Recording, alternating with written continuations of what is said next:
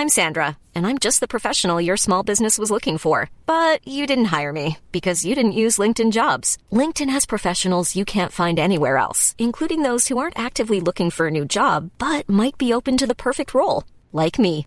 In a given month, over 70% of LinkedIn users don't visit other leading job sites. So if you're not looking on LinkedIn, you'll miss out on great candidates like Sandra. Start hiring professionals like a professional. Post your free job on linkedin.com/people today. When people are happy with risk and embrace risk, then by definition, uh, prices go high.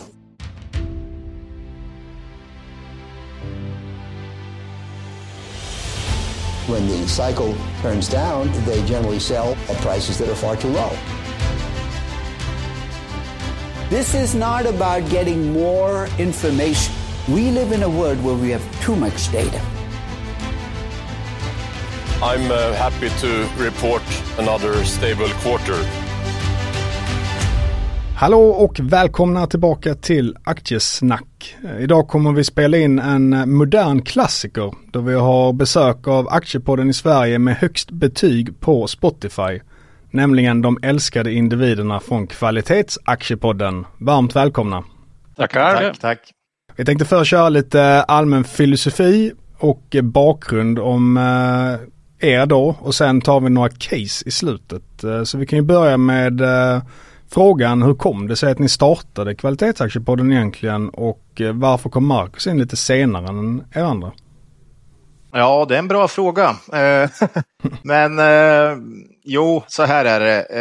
Jag har, Ola är jag då, har jobbat med investeringar i bolagsform i under 20 år och för en 5-6 år sedan så Eh, trappade min far ner och jag kände att jag behövde någon in i vårat eh, investmentbolag här då. Och då kom Claes in eh, som jag har känt sedan eh, universitetstiden då vi gick i samma klass på I-linjen. Eh, och så började vi jobba med det här investmentbolaget i, tillsammans. Och i den vevan så pratar vi mycket investeringar och Claes har ju liksom inte jobbat med investeringar innan så att det, vi, det blev mycket investeringssnack och vi började fundera på hur man kan få in Claes på de här ämnena på ett bra sätt och vi tänkte på poddar och men vi hittade inga poddar som eh, överhuvudtaget fokuserade på värdeinvestering och eh, vad jag kallar kvalitetsbolag. Det var mest snabba, tjäna snabba pengar och, och sådär. Så helt plötsligt sa vi, ska vi inte starta en podd? Då får vi sitta och snacka och framförallt inför väldigt många lyssnare om, om det går bra. Och det blir ett sätt för Claes att lära sig och lite så, så början på podden var ju mer att han frågade ut mig mer. Ja, eh, så blev podden till eh, från första början. Eh, Marcus kom ju med när han kom in och började arbeta i det här investmentbolaget. Då. Så investmentbolaget är ju grunden här och sen så spelar vi in en podd för att vi tycker det är kul och för att vi har någon eh, kanske tänker lite högt om sig själv och sådär, men vi har ändå någon stor förhoppning att man ska kunna sprida någon form av eh, samhällsutbildning. Eh, det låter kanske lite larvigt när jag säger det, men, men lite den tanken faktiskt, för vi tror många behöver höra lite eh, andra sätt att, se på aktier än vad de flesta pratar om där ute. Och Marcus, går han också tillbaka till studietiden eller hur, hur känner ni varandra liksom? Ännu längre, Ännu längre. faktiskt. Eh, det är sen fotbollslaget i eh, Finspång någon gång slutet på 80-talet skulle jag säga. Det vågar man inte ens tänka på hur länge sedan. Nej.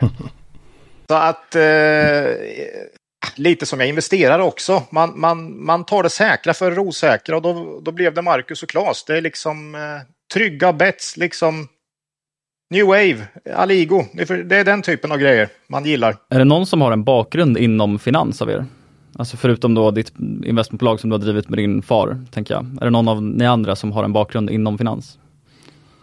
Jag har ju jobbat nästan 20 år i finansbranschen så att det får man väl säga.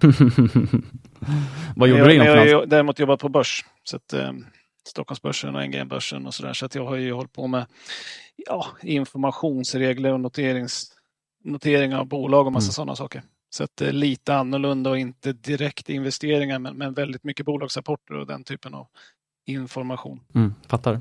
Och hur ser upplägget ut i det här investmentbolaget ni driver? Har ni olika fokusområden där eller eh, ja, hur ser det ut egentligen? Och alla delägare i bolaget? Eh, ja, alla är delägare. Jag äger mest eh, eftersom det var jag och min far som ägde det från början och sen har Marcus och Claes köpt in sig optioner och så vidare och sen har vi tre externa ägare, totalt åtta eh, ägare. Och ja, fokusområden. Eh, Claes är vd, driver bolagsfrågor. Marcus jobbar nästan uteslutande med börs och analys och handel. Eh, jag är lite mer övergripande investeringar och även onoterat. Eh, vi har ju nästan lika mycket i onoterat värde som vi har på börsen. Det här syns ju inte dock i vårt eget kapital eh, för det är alltid anskaffningsvärde på onoterat. Man köper ett bo, eh, aktier och sen så förhoppningsvis går några bra, vilket det har gjort, men det är fortfarande anskaffningsvärde som ligger i vår balansräkning. Men som vi ser det så är det värt betydligt mycket mer då än, än anskaffningsvärdet. Då, så att... mm. Hur kom det mm. sig att ni valde att eh, köra onoterat också? Jag satt ganska mycket själv och det är ändå ett väldigt roligt sätt att få lite mer kontakt med bolagen. Eh, det är inte så att man går in och tar en större post i Investor och sen sätter sig i styrelsen och börjar jobba utan onoterade bolag kan man ju faktiskt bli så substantiellt stora ägare som man får arbeta med bolagen. Ja, och sen bra idéer. Det brukar ofta vara med i media och då är det framförallt du som brukar vara frontfigur Ola, att du har, jag tror det är ungefär 30 procent kagger sedan 2004 eller liknande. Är det returnsen då från det här investmentbolaget? Ja, det är den eh, portföljen. Eh, mm. Pri privat har jag också portfölj. Den borde vara, eller den är nog sämre, för den har varit mycket mer passiv. Eh, där kanske jag har 15-20 procent kagg skulle jag tro. Mm. Men investment, det är investmentbolaget vi har följt. Tyvärr kan jag inte skicka ut några grafer på Avanza och Nordnet för vi har eh, bytt kapitalförsäkring, vi har avslutat och börjat på nytt så att vi har liksom inget officiellt utan det enda här är en Excel-fil vi har följt nu i 20 år. Då. Men mm. den ska stämma och då är det någonstans 32, 33 kanske, något sånt där. Ja, det är extremt bra. Och idag så tänkte vi faktiskt ha en struktur på avsnittet att ni också ställer lite frågor till oss. Så att det blir lite så här en intervju som hoppar lite fram och tillbaka. Eh, så då tänker jag att vi skickar över facklan till er här så får ni ställa en fråga till oss också. Ja, nej, men vi är ju också lite nyfikna av oss va? så, och hoppas ju att många av Pallepoddens lyssnare kommer ju lyssna på det här avsnittet så då behöver de få reda på lite mer också. Så då tänkte vi ju att eh, hur, hur kom det sig att ni började med en aktiepodd? Jag tänker att du kan dra den här Magnus, för det var du som eh, initierade det från början, eller hur? Ja, nej men det var ju, jag jobbade ju som aktieanalytiker 2021 och slutade då. Och eh, jag tänkte det att när jag väl gjorde det så vill jag inte bara sitta hemma i pyjamas hela dagarna. Jag tänkte det kanske är lätt att det blir det. Så jag tänkte att jag måste dra igång någonting och då funderade jag faktiskt först på YouTube-videos eller liknande och kunna liksom prata börs där men kom fram till att poddformat är ju nog mycket bättre egentligen. Men jag hade ett litet problem och det var att jag hade ingen att podda med. så att eh, jag lyssnade faktiskt på Peter i en annan podd. Och bjöd ut honom på en lunch för att liksom, ja, fråga om han ville dra igång en podd. Och eh, the rest som man säger är history. Så jag hade ju aldrig sett Peter innan vi tog den där lunchen egentligen. Så vi går inte riktigt tillbaka till 80-talet om man säger så. Men du hade ju lite koll på mig från eh, min Twitter-närvaro också och sen så var det Market Makers va, där du hörde mig. Ja, nej, men det stämmer exakt. Precis, och sen så klickade vi ganska bra på den här lunchen och bestämde oss för att dra igång helt enkelt. Vi, vi, vi är ju mer en filosofi i, i kvalitetsaktiepodden eller i vårt investmentbolag. Ni har väl lite olika investeringsstilar, eller hur? Ja, det kan man nog säga. Sen har den över tid blivit eh, mer liknande skulle jag säga. Men när vi drog igång podden så var jag väldigt tiltad mot kvalitetsbolag tycker jag snarare än multiplar. Att jag letade liksom bolag som kunde växa över väldigt lång tid och hade starka konkurrensfördelar. Eh, mm. Och det var ofta större bolag också. Sen har jag nog gradvis kommit närmare Magnus i min investeringsstil, vilket mer handlar om att titta på kanske underanalyserade mindre bolag Eh, och även lite mer multipelfokuserad och värdefokuserad skulle jag säga. Har du någonting att tillägga här Magnus? Nej men jag håller med. Jag har ju väldigt mycket fokus på att hitta bolag som jag tycker har en för låg värderingsmultipel helt enkelt och att den förhoppningsvis ska rätta till sig. Och det gör ju också att jag blir lite mer hoppig av mig än Peter. Som då är lite, framförallt från början då var lite mer äga bra bolag under lång tid och så kommer det bli bra avkastning. Jag kollade faktiskt i portföljen nu och just nu så har jag en snitttid på mitt ägande på sju månader i de bolagen som jag har just nu. Sen kan det sig vara ibland så att jag hoppar in och jag hoppar ut ur bolag men de som är liksom ägt i streck är sju månader i dagsläget. Mm. Och ja, det är väl fortfarande lite mer så att Peter satsar mer på mots och konkurrensfördelar medan jag mer försöker hitta felprissättningar på marknaden. Men som du säger så har vi närmat varandra senaste ett och ett halvt åren. Precis, jag skulle säga att jag är nog lite mer fokuserad fortfarande på kvalitativa saker såsom ägarbild, kommunikation från management och affärsmodell till exempel och du tiltar lite mer åt kortsiktiga triggers och multiplar. Sen tror jag att det här skiftet för mig har varit ganska naturligt för i och med podden så har man ju samtidigt lagt mer tid på investeringar vilket gör att det blir ett ganska naturligt skifte från att äga bolag med en väldigt långsiktig tes om att det här kommer bli bra över tid och sen så när man då följer mer nyheter på kortsiktig basis och lägger mer tid helt enkelt så har man ju också optionen på att faktiskt kunna bli lite mer då kortsiktig. Hur är det med storlek på bolag då? Eh, skiljer det sig åt mellan er? Eh, känns som Peter kanske tidigare i alla fall hade lite större bolag en del. Ja, alltså jag tycker att det är ganska intressant ämne att diskutera generellt. Jag har väl inga storlekskriterier men jag, har, jag skulle säga att jag har preferenser och när det kommer till liksom skillnaden mellan mig och Magnus så är det nog ganska liknande just nu skulle jag säga. Och på det temat så ser jag ju fördelen med att hitta ett oupptäckt bolag som kan få multipelexpansion bara genom att bli större egentligen då ett bolag med högre börsvärde och högre handelslikviditet också blir ett alternativ för institutioner till exempel.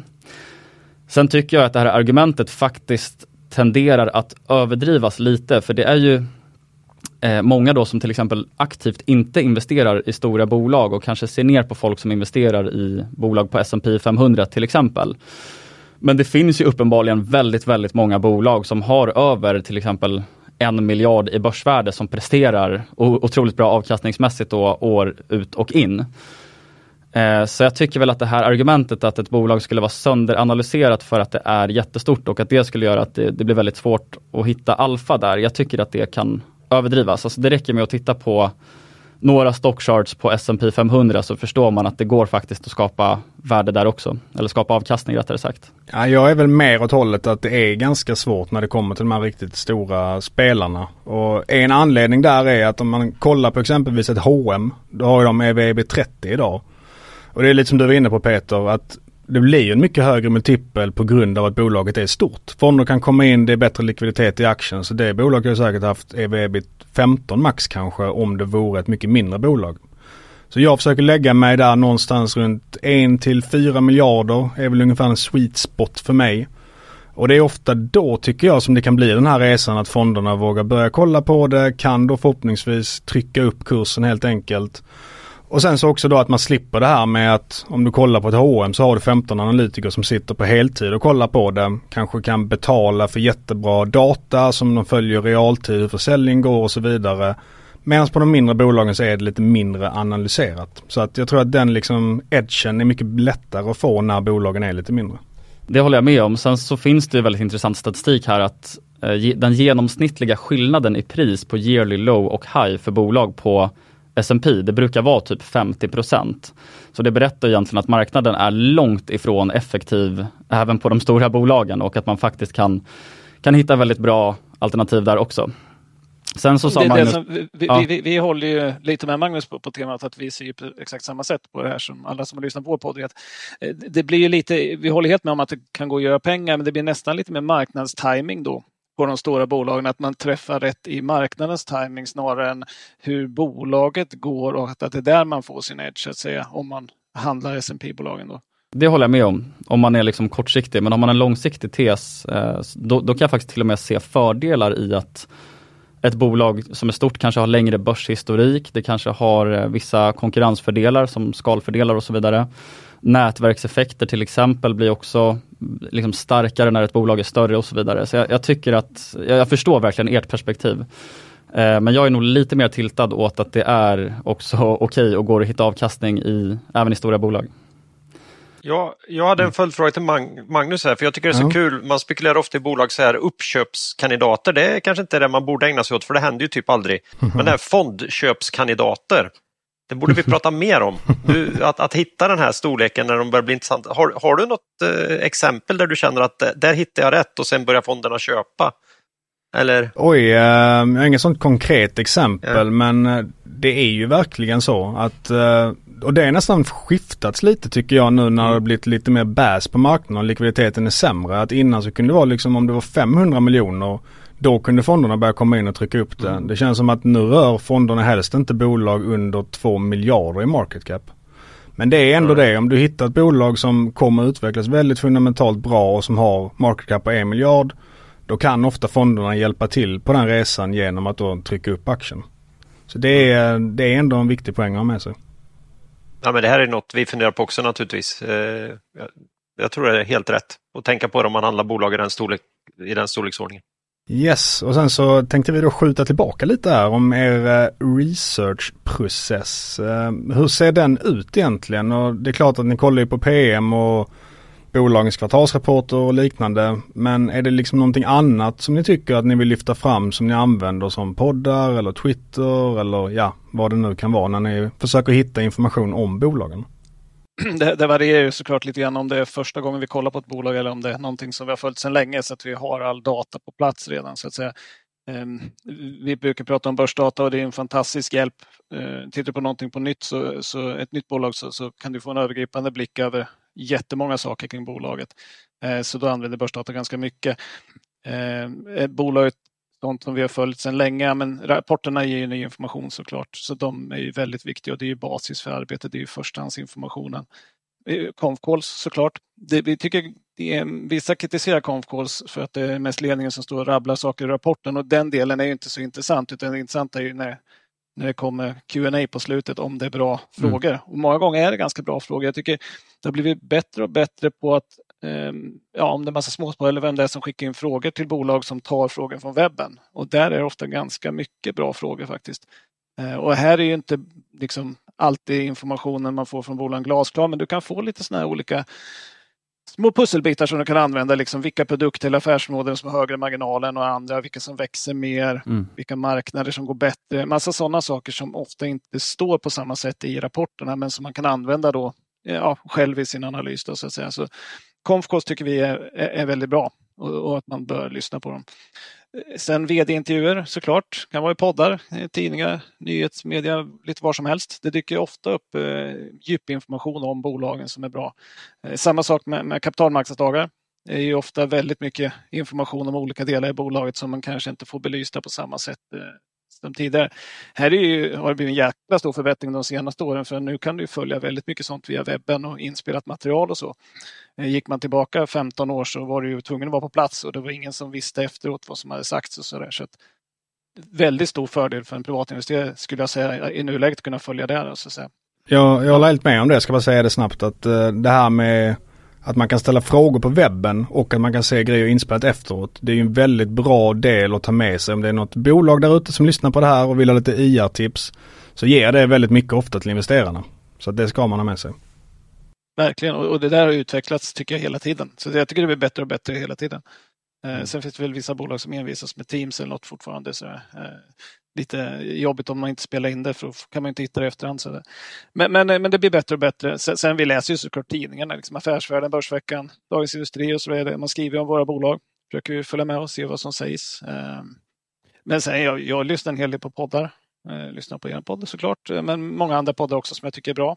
Sen Twitter eller X som man kallar det finns ju det har väl blivit lite sämre och lite grötigare kan man säga. Det är mer, mer oväsentligt som kommer in, men det finns ju de som är duktiga. Olle 89, Hedgehog med flera som har mycket kvalitativ information tycker jag. Som man, som man kan ta del av helt gratis. Så det är dumt att inte utnyttja det. Så att säga. Ofta tycker jag många försvarar sina case med näbbar och klor. Vi försöker precis tvärtom, skjuta ner våra egna case och, och, och lyssna gärna på någon annan podd som säger att ah, här har kvalitetsaktiepodden riktigt fel. den vill jag höra när jag lyssnar på en podd. Eller eh, den vill jag ha när jag läser en analys. Jag vill se vad de som inte tror på caset har för argument. Inser jag att de har rätt? Och för ibland har man ju fel. Det vet all, de som säger att de inte har fel, de ljuger ju. För någon gång har man fel på aktiemarknaden, så är det bara. Och jag vill veta så fort som möjligt om det är så att jag har fel. Så att, jag, där tycker jag i liksom informationsinhämtningen att vi fokuserar på the weak point hela tiden istället för att bekräfta ett bolag. Det är en stor skillnad för oss skulle jag säga. Och, och därför är det också så att många blir förvånade. Kvalitetsaktiepodden sålde. Ja, det gjorde vi. Eh, och det var inte för att den var för högt värderad, utan i det här fallet var det för att vi hade helt fel bara säga en av viktigaste lärdomarna är ju att, att, att, eh, om du har fel så är det ganska viktigt att inte förlora för mycket om du har fel. Definitivt. Jag tycker ert synsätt, alltså det där liksom är ganska typiskt för er generellt. För vi pratade om det när vi sågs eh, senast i Stockholm också, vilket jag blev så väldigt imponerad av att ni fokuserar mer på nedsidan och kanske snarare fokuserar på att välja bort bolag och aktier än att välja bolag och aktier. Prata mm. gärna mer om det här perspektivet, för jag tyckte att den utläggningen som jag fick på den middagen var väldigt, väldigt bra tycker jag. Ja, eh, det, det är en viktig grej. Vi försöker också få fram det där i podden. Jag tror många skulle få betydligt bättre avkastning om man bara valde bort väldigt mycket bolag. Men man måste ju ha några i portföljen, annars blir det ju liksom räntan på 3 mm. Så att eh, någonting måste man ju ha. Men det som blir kvar, det är där man får börja liksom Precis. välja då. Men, men, här har ni ett ganska strukturerat sätt som jag förstår. Att ni, liksom, ni har ju typ ett filter. Att om ett bolag inte passar in i det här filtret så kommer ni helt enkelt inte köpa den aktien. Och hu, hur ser den här filtreringsprocessen ut? Alltså vad har ni för liksom kriterier? Vinst är ju det första då kan man ju säga. All, alla som inte visar vinst faller ju bort och egentligen ska vi hårdra det så är det ju under flera års tid måste det ha varit vinstdrivande bolag. Eh, de ska vara i branscher vi förstår och då säger jag vi väljer ofta bort råvarubolag. Vi väljer bort eh, fastigheter, eh, finansiella bolag, bolag som är alldeles för påverkade av ett världsmarknadspris som de inte styr. Rena förhoppningsbolag som läkemedelsforskningsbolag, Eh, bolag med fantastiska produkter som någon gång skulle kunna förändra världen. Eh, oerhört sällan det blir något så att säga. Men i grund och botten, ett bolag som växer omsättningen och visar vinst år efter år, mm. då är det ju liksom med någonstans i vårat universum dels är det nya bolag också. Vi plockar ju bort alla bolag som inte varit på börsen i fem år. För vi, vill, vi, vi tror ju att de här, eh, en IPO görs ju när, när det passar bäst för gamla ägare och inte för nya. Eh, så, så de tar vi bort. De måste visa sig på börsen. Sen tar vi bort de stora bolagen som vi var inne lite grann på. Vi tar bort de små bolagen. Ja, vi hamnar ju någonstans i mitten där. Mm. Och så tar vi bort de som visar vinst just bara just nu. Det ska liksom vara en stabil historik av vinster det här gör ju liksom att vi är nere på 10% av alla noterade bolag som är kvar i vårt universum att börja välja från. Och sen som du sa, sen går vi inte utanför det och det är en riskfråga. Eh, så vi kommer missa en del, vi kommer aldrig ha den högsta avkastningen ett enskilt år men vi ska aldrig ha den sämsta avkastningen. En, en, viktig del i den här filtreringen tyckte jag också var att ni pratade om att den gör ju också delvis att ni faktiskt inte får FOMO när ett bolag går, eller en aktie rättare sagt, går väldigt, väldigt bra för att ni är så trygga i er egen process och den här strukturerade metoden. Mm. Det, det tyckte jag också är en viktig grej att belysa i det. Det är lite av en beauty med det här faktiskt, att om du följer det slaviskt så spelar det ingen roll om Hexatronic går 1000 procent. Det är liksom, nej, de finns ändå inte med. Det är liksom, eh, eh, har ni missat Hexatronic? Ja, men det passar inte i vårat filter. Eller har ni missat Fingerprint Card? Nej, det passar inte. Vi, det, är bara, det, det, kommer aldrig in. Så då, då blir det ingen FOMO i och med att det inte är ett bolag du ska investera i. Liksom. Så, mm. ja. Det där tror jag är det, det, otroligt det, viktigt. Väldigt skönt, alltså rent mentalt är det ju väldigt skönt att ha en sån process där du och du, och du tummar aldrig på den, liksom, för då, då kan du alltid... Ja, du slipper just den jobbiga aspekten. Och eftersom ni är trogna Buffett och Munger-anhängare eh, undrar jag hur mycket tid ni lägger på bolagsanalys kontra annan läsning som alltså inte lika så här hands-on investeringar. Och det kan alltså vara böcker inom investeringsfilosofi och psykologi till exempel. Så har ni några favoritböcker som ni vill lyfta och vad är så bra med den eller dem? Jag kan ju börja då. Jag, jag, vi, vi brukar i podden också lyfta Howard Marks The Most Important Thing som är en bok som är väldigt bra tycker jag. Den är bra också för den är uppbyggd på ett 20-tal kapitel där varje kapitel är the most important thing. Det låter ju lite kontraintuitivt att äh, allting kan ju inte vara the most important, men den visar på ett bra sätt att det är väldigt komplext med aktier. Eh, det finns väldigt många olika aspekter att ta hänsyn till. Och eh, den belyser, tycker vi, eller den är egentligen, att det är så pass svårt gör att man behöver diversifiering för att skydda sig mot, mot, eh, mot eh, att gå fel i enskilda innehav. Och här kommer vi ta upp det lite mer senare, men, men, men jag gillar just att den visar att det är komplext. Sen har ju han ett, ett talesätt som man säger att om man tar hand om förlorarna så kommer vinnarna lösa sig självt. Det är ju precis det vi var inne på alldeles nyss, att om du ser till att inte ha bolagen som, som kommer förlora så kommer de andra by default att gå bra. Eh, och det ligger väldigt nära hur vi ser på risk i, i stort så att säga. Men om, om man, eh, ni hade ju en startfråga, hur mycket tid lägger vi på att läsa annat än bolagsanalyser och så här? Inte så himla mycket. Det, om jag säger helt fel ute där får ni rätta mig, eh, Olof och Marcus, men vi är ju rätt grundade i vår filosofi och strategi i mitt fall så ska jag säga att jag läser om grejer snarare än att läsa nya grejer nu för tiden. Eh, jag vet inte om det innebär att man har bara blivit gubbe, eller jag har ingen aning vad det betyder, men jag, jag, jag lyssnar hellre på poddar då och, och får liksom den, den glädjen. Men en, en, bok som jag gärna kommer tillbaka till och som vi lyft mycket i våran podd också är ju, den är ju inte alls gammal, det är ju Ludvig Rosenstams Åmans 101 tankar om aktier. Den är ju så bra för att det är indelat i så den täcker allt och den är indelat i jättekorta, ja, man ska säga som blogginlägg typ. Med en sammanfattning i slutet och ännu värre, orkar du inte ens läsa den sammanfattningen då finns det en liten faktaruta till och med det sista. Jag tror att många skulle tjäna på att bara bläddra igenom den här boken och läsa de faktarutorna. Vad kan det ta? Tio minuter?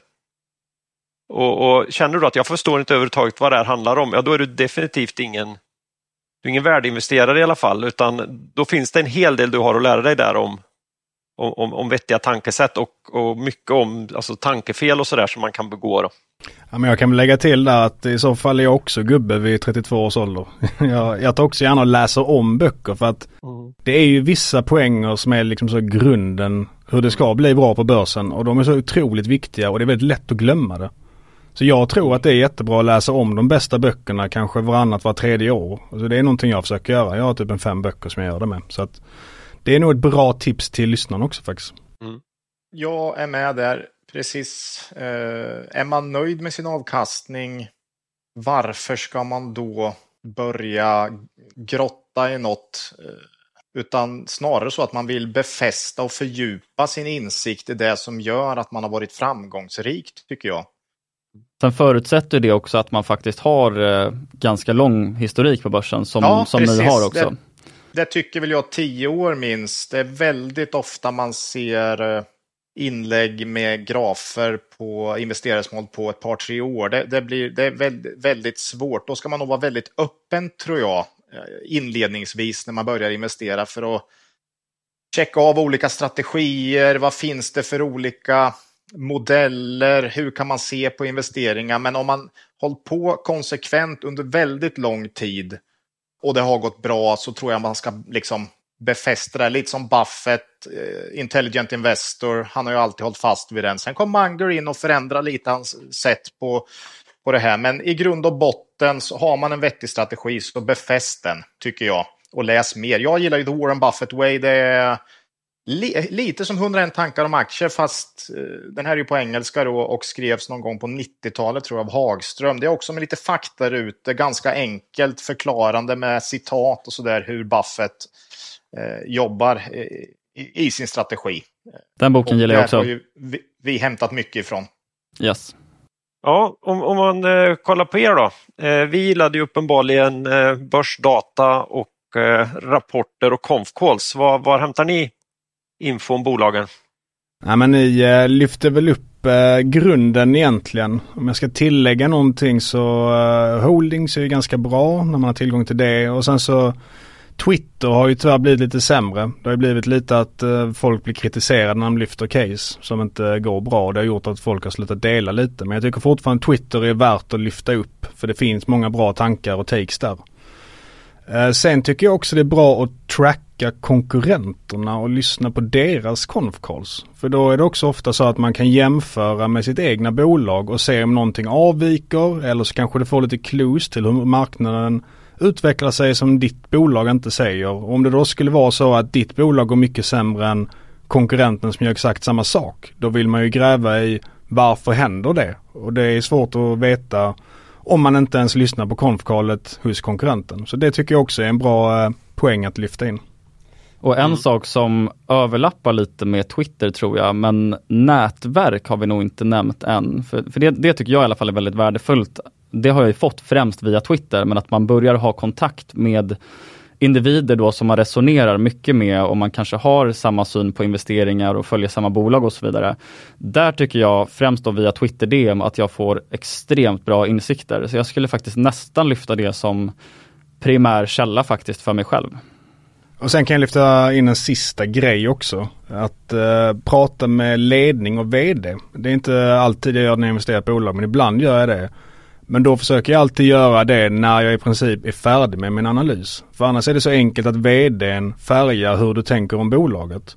Och vd är ju extremt olika i hur positiva de är. Det kan vara exakt samma vd, eller det kan vara exakt samma bolag men en vd kan vara jättepositiv och den kan vara ganska konservativ av dig. Och om du då låter exempelvis en positiv vd färga din bild innan du gör din egen analys då tror jag att man kan gå lite snett. Så det är bra liksom att ha en ganska objektiv bild när man går in i samtalet med ledningen. Nu blir jag lite nyfiken, pratar ni mycket med eh, vd eller bolagsledningar? Vi, vi har en del bolagsmöten eh, och här är ju podden tacksam på det sättet att vi får tillgång kanske till bolag som vi inte skulle få annars. Så att vi, vi har en hel del eh, eller vi har en, hel, en del bolagsmöten eh, intervjumässigt, så, eller det blir ofta den typen av frågor som vi ställer när vi kör våra publika intervjuer. Så att det blir lite grann som att vi bjuder in lyssnarna på en, ett sådant bolagsmöte när vi kör de här intervjuerna som vi gör. Då. Så om man vill kan man gå till podden och lyssna på, på några intervjuer vi gör så får man en bra bild över vad vi pratar om på ett sådant ett sådant tillfälle. Så att säga. Mm. Och eh, kanske svårt att svara på för jag antar att det är ganska bolagsspecifikt. Men är det någon fråga som ni anser vara så här verkligen en kärnfråga som ofta går att ställa till en VD? Eh, jag, tror, inte alltså, jag, tror, inte vi har någon som golden, nej, golden men, question. Men normalt brukar man säga... är generellt sett ganska försiktiga. Alltså, de vet ju vad de får säga och vad de inte får säga. Eh, och det är oftast framåtblickande information som är, är känslig. Vi försöker kanske lite mer tränga ner på djupet. Varför går det som det gör i de olika delarna och vilka produkter kanske är som funkar och inte funkar. Varför funkar det? Mm. Och så vidare. Det är mer djupinformation, försöka förstå bolaget lite mer på djupet än att försöka fiska efter information om hur det har gått den senaste månaden eller liksom information framåt, för det är bolagen försiktiga med. Så det handlar mer om att ni vill förstå bolaget mer. Nu, nu tänkte jag kanske en fråga kopplat till kapitalallokering tycker jag själv till exempel kan vara väldigt intressant att höra hur de resonerar och vad de till och med ser som värdeskapande.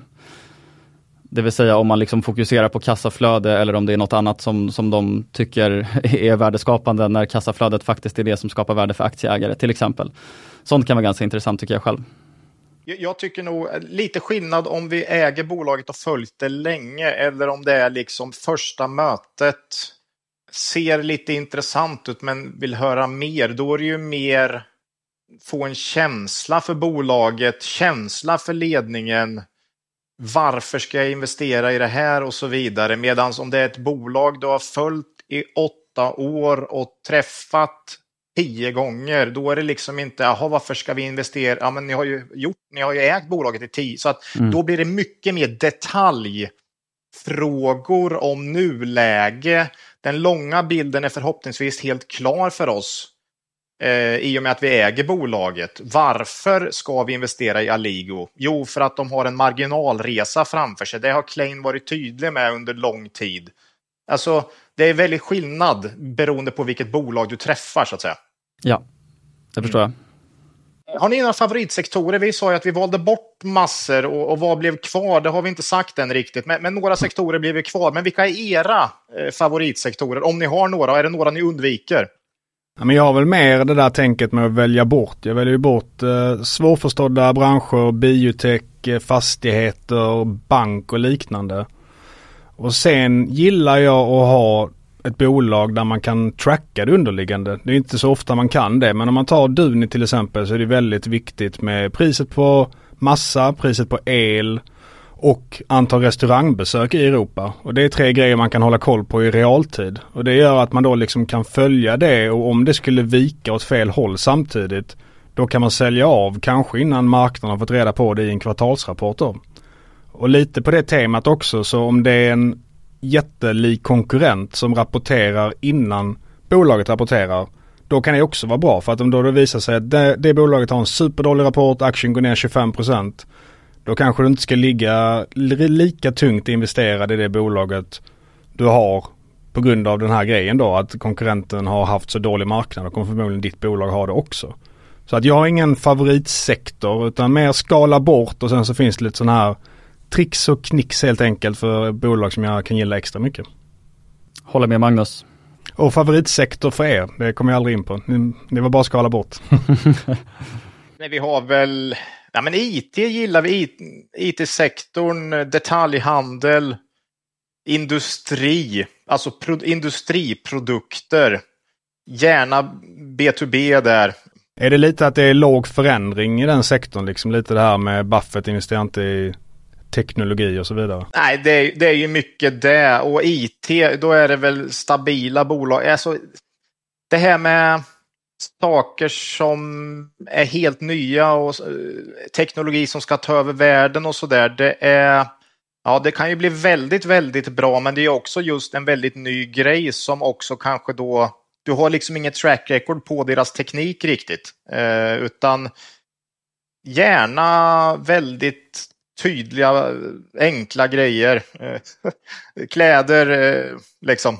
Björn Borg kalsonger, liksom. Det, det är inget, det, det, tror jag kommer finnas om tio år med Inwido fönster och jag ser liksom inget som kommer förändra det här med fönster och dörrar i närtid. Men Enea till exempel är ju ett bolag som vi följde länge, men det är för svårt för oss helt enkelt att förstå vad det är de egentligen har för produkt och vad de tjänar pengar på. Inwido är det ju oerhört enkelt.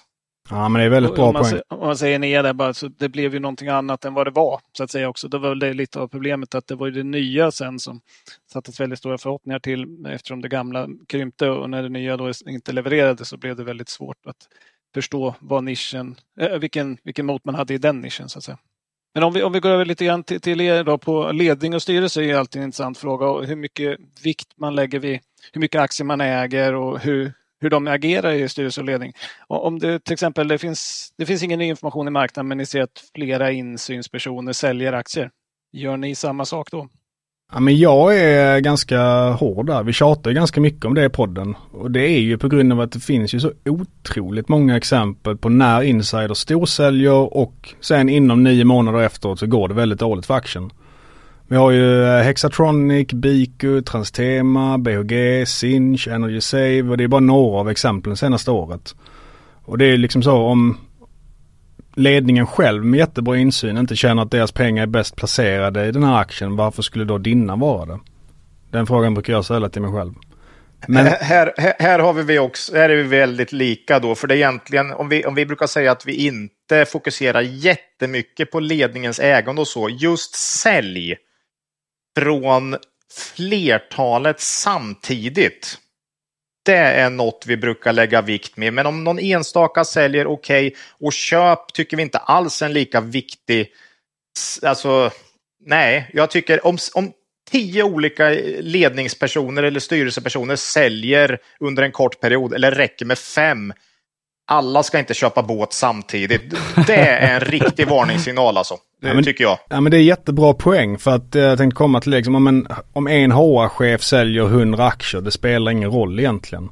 Och sen så också det här med att köpa, att det bara finns en anledning till att köpa som är en klyscha på marknaden. Jag tycker det är de sämsta klyschorna som finns. för, för att väldigt ofta så är det ju att folk alibi köper egentligen för att det ska se bra ut. Och det känns som att det är väldigt många transaktioner som är av den typen. Och sen så också när en ny vd tillträder Då brukar de alltid köpa för några hundratusen för att det ska se bra ut.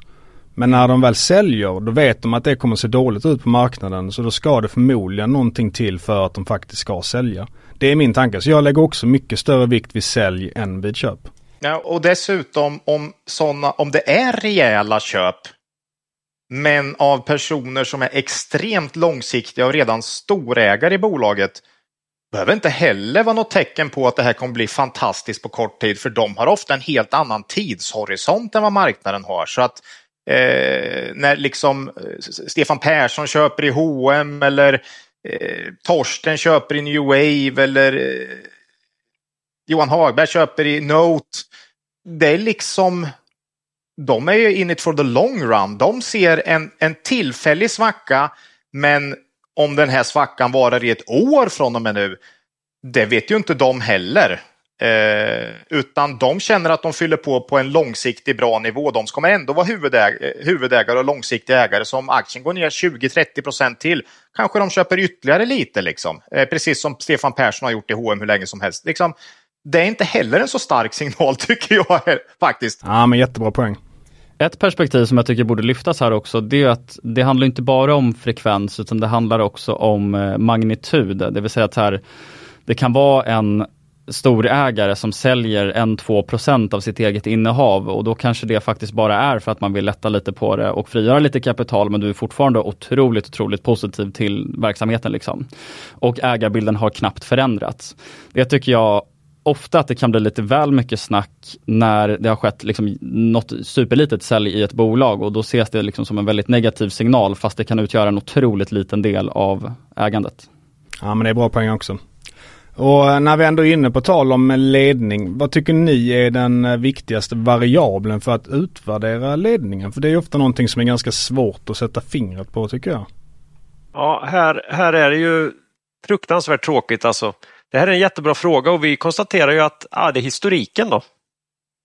Det är därför vi inte bara vill att bolaget ska ha funnits ett tag. Ledningen får gärna hållit på ett tag också. Vi vill ju liksom se att de klarar av att ratta det här bolaget och ha den här tillväxten vi hoppas på, de här marginalerna vi hoppas på. Då. Men ja, informationsgivningen är ju liksom också viktig. Vi, är ju, vi lusläser ju rapporterna, vd-orden är ju jätteroligt ju man försöker hitta nyanser och man lär ju sig med tiden också när man lär känna de här eh, vdarna att, eh, att eh, ja, nej, nu är det nog inte så där livat. Eh, men sen lär man sig också kynnet eh, hos vdarna. Vissa är ju alltid fokuserade på nedsidan och vissa är ju betydligt mer fokuserade på uppsidan. Mm. Eh, så, så en sån pessimistisk vd kommer man ju inte bli jätterädd alltså om, de, om de pekar på allt som går dåligt. Och den här superoptimistiska vdn kommer man ju inte bli håsad av hur mycket de än pekar. Så att det är ju liksom att lära sig om dem så att säga. Men det, det är en bra eh. poäng tycker jag att om man, om man kollar på ett nytt bolag då kan det vara bra att gå tillbaka och läsa kanske de åtta kvartalsrapporterna innan så man får en liten känsla för hur, hur positiva de faktiskt är i ledningen. För att som du säger det är jättestor skillnad på det och man vet inte riktigt det från början. Nej, och, och det här med vd-byten tycker vi är jobbigt då. Vi kanske inte så mycket det, den här tron på att den här rockstjärnan liksom som leder företaget, den tror kanske inte vi alltid på. Det finns bolag där vdarna är jätte, jätteviktiga och helt avgörande men kanske inte alltid. Men det jobbiga är att vi inte känner dem och vi vet inte riktigt hur vi ska tolka den informationen de ger. Och sen är det ett förvärvsdrivet bolag, då blir ju vdarna viktiga för de har ju alltid mycket att säga till om när det gäller förvärv. Så har du haft ett bolag som förvärvar mycket och du har en vd du vet har koll på det där och så får du en ny då som, som ska fortsätta den framåt, det är ju, mm. då blir man ju nervös alltså. Då tror jag vi kliver åt sidan mm. nästan alltid ett tag och tittar på vad som händer här nu då. Så. Och det finns faktiskt några exempel eh, där vi, eh, eller jag, eh, har ägt ett bolag och sen träffat vdn för första gången och sen sålt så fort som möjligt. Så att Det är liksom, det är viktigt att känna förtroende liksom. Mm. Det är inget snack om det. Det är verkligen viktigt. Vad, vad, inträffade då om man får fråga det? Vad var det du noterade som du inte tyckte om? Det, ja jag vet inte. Eh, jag vill inte säga vilket bolag det var men eh, på något sätt känslan att man, in, man, har, man har ingen koll på de frågor, alltså de frågor man ställde fick man liksom inga riktiga svar på och sen pratar man om framtiden som utan att det satt ihop med nuläget. Det vill säga att man skulle bli någonting som man inte var och det fanns inga svar på hur man skulle bli det. Det vill säga jag som investerar i historik blir ju livrädd. Det hade inte stått något i kvartalsrapporter eller någonting om det här liksom. Ja, utan det, det var mer bara snack om framtiden som inte fanns och aldrig kom. Det är liksom inga specifika saker utan bara liksom konst, konstiga svar helt enkelt. Inget förtroende. Det händer ibland. Och det, det, var, det var ett vd-byte också som hade skett ganska snart inpå så att jag tror han hade ett, en, en tanke med det här bolaget som han på något sätt eh, aldrig fick igenom heller sen. Han slutade ganska snart efteråt där. Så att... Bra, bra intuition. Ja, väldigt intressant. Mm. Det är ju lite så ja. ofta när det går snett för bolag så kanske det är det. det. Det är väl min känsla lite med Viaplay att det har varit att de har blickat ut väldigt mycket. Vi ska expandera i Europa, vi ska börja med vår egna typ Netflix-produktion och så vidare. Men liksom mm. det viktigaste är ju det man har här och nu. Om du har en lönsam bra business att ta hand om den och liksom steget där. Ja. Så att det är väldigt bra poäng. Precis. Ja, bara komplettera där och för ägande kan ju vara nästan viktigare. Alltså det här med kött och blod är ju viktigt i vissa typer av bolag. Särskilt om de är i en tillväxtfas då. Eh, så att man vet att, att du har någon storägare som sitter i samma båt som du gör. Så att du inte har via playfolk som inte har någonting investerat mer än att man vill ha ut en fet lön och någon bonus som kan vara baserat på något konstigt. Nu vet inte jag om det är exakt vad det är som hände via Play, det vet jag ingenting om. Men... Jo men det var ju eh. lite det som var caset där och det var också pilotskolan att det inte var något uh, insiderägande och det finns ju många studier som visar att bolag med väldigt lågt insiderägande har en sämre avkastning i snitt. Och det finns ju nog en väldigt bra anledning till det. Då, då är inte fokuset på aktien, då kanske fokuset är på att gynna sig själv genom att bygga storslagna drömmar eller liknande. Mm.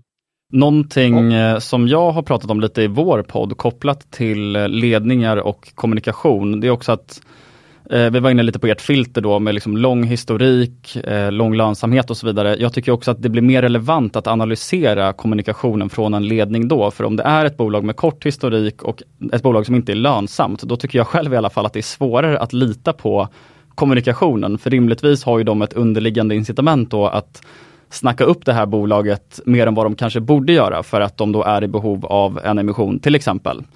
Eh, så just med ert filter så blir det kanske än mer relevant och kanske än mer behjälpligt att fokusera mycket på kommunikationen. Så vill jag också lyfta det perspektivet som sagt att man kanske ska akta sig lite för eh, kommunikation då med ledningar med kort historik och även olönsamma bolag. Det skriver vi under på, det gör vi. Mm. Eh, ni, ni pratar lite via Play där, det har varit en total katastrof på börsen. Eh, det har inte varit så kul för de som suttit med få aktier i portföljen. Hur ser ni på liksom frågan ja, diversifiering kontra koncentration i portföljen?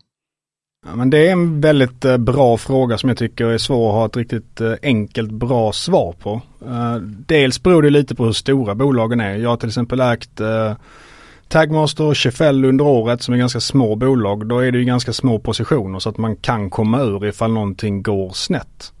Men sen har jag ändå upp till 20% i enskilda innehav och jag ligger ofta med kanske en tre innehav som har 15 till 20% och det är ju ganska koncentrerat men jag tror på den modellen om man håller väldigt bra koll på bolagen så är det nog det bästa för portföljen. Sen så ibland så är man ju sugen när man känner att det är liksom ett riktigt slam dunk-läge att gå upp till kanske 30% men jag, det är där jag brottas med mycket. Ska man göra det eller inte? Jag har hittills aldrig gjort det.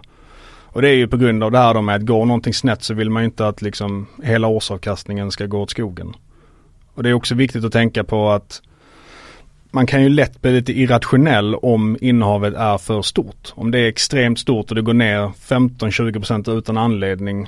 Liksom pallar man då hålla i det? För man kanske är rädd för att det ska komma någon dålig nyhet och då blir det svårt att vara rationell egentligen. Så att Normalt sett ligger jag med 10-12 innehav men jag har ändå en stor del i en 3-4 innehav.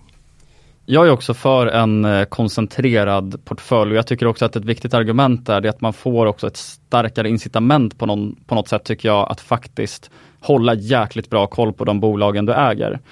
Jag brukar väl ha fem till åtta bolag och sen så är det också många stora investerare som förespråkar det här.